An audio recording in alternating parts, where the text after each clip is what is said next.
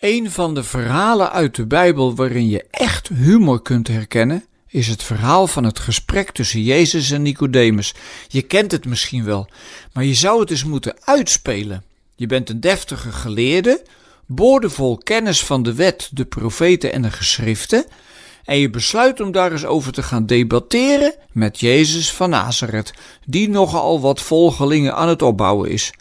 Hij komt uiterst beleefd en totaal niet om Jezus onderuit te halen. Maar wat zo bijzonder is, en dat noem ik dus wel een beetje humor, is dat hij een prachtige inleiding geeft als hij Jezus ontmoet.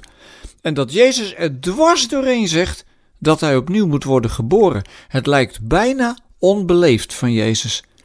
En die geleerde Nico begrijpt er helemaal niets van met al zijn kennis. Hij begint te hakkelen en vat het helemaal letterlijk op alsof hij weer bij zijn moeder in de baarmoeder moet gaan zitten. Dat komt dan eigenlijk weer zo onnozel over.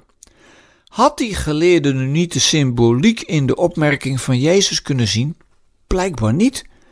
En hij begrijpt, zoals zoveel mensen in het Johannesevangelie, helemaal niks van Jezus.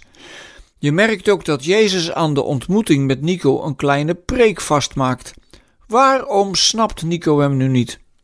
Zou het iets te maken kunnen hebben met zijn manier van denken? Dat Jezus hele nieuwe gedachten had, is natuurlijk duidelijk, maar Nico begrijpt ze niet. Hij had geleerd dat je bij God hoort als je je aan alle geboden en regels houdt. Maar Jezus zegt dat je bij God hoort als je juist van je geleerde voetstuk afstapt. Als je het beeld van Jezus volgt, dan moet je dus eerst helemaal hulpeloos worden. Maar dat is niet iets wat je overkomt, maar iets waar je zelf voor kiest. Net zoals wanneer mensen een kerkdienst of een samenkomst gaan vieren en beginnen met te zeggen dat onze hulp van de Heer komt. Dan kies je er dus voor om je levenskracht ergens anders te halen dan bij jezelf. En Johannes is daar nogal zwart-wit in hoor. Hij zegt heel rechtstreeks: als je dat niet doet, als je er niet voor kiest om je levenskracht bij Jezus te halen, nou, dan kun je Gods koninkrijk niet zien. Oftewel, dan kun je niet ontdekken wat God allemaal in jouw leven en in de wereld kan en wil doen.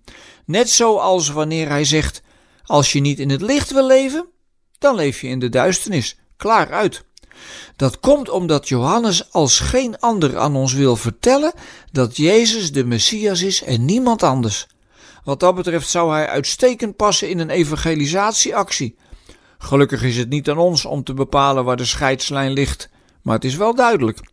Als dit hard overkomt, nou, dan vergeten we misschien dat ene wereldberoemde vers uit het gesprek met Nico. En dat is dat vers dat duidelijk maakt dat God dit doet omdat Hij zo vreselijk veel van ons houdt dat Hij niets liever wil dan dat we allemaal meedoen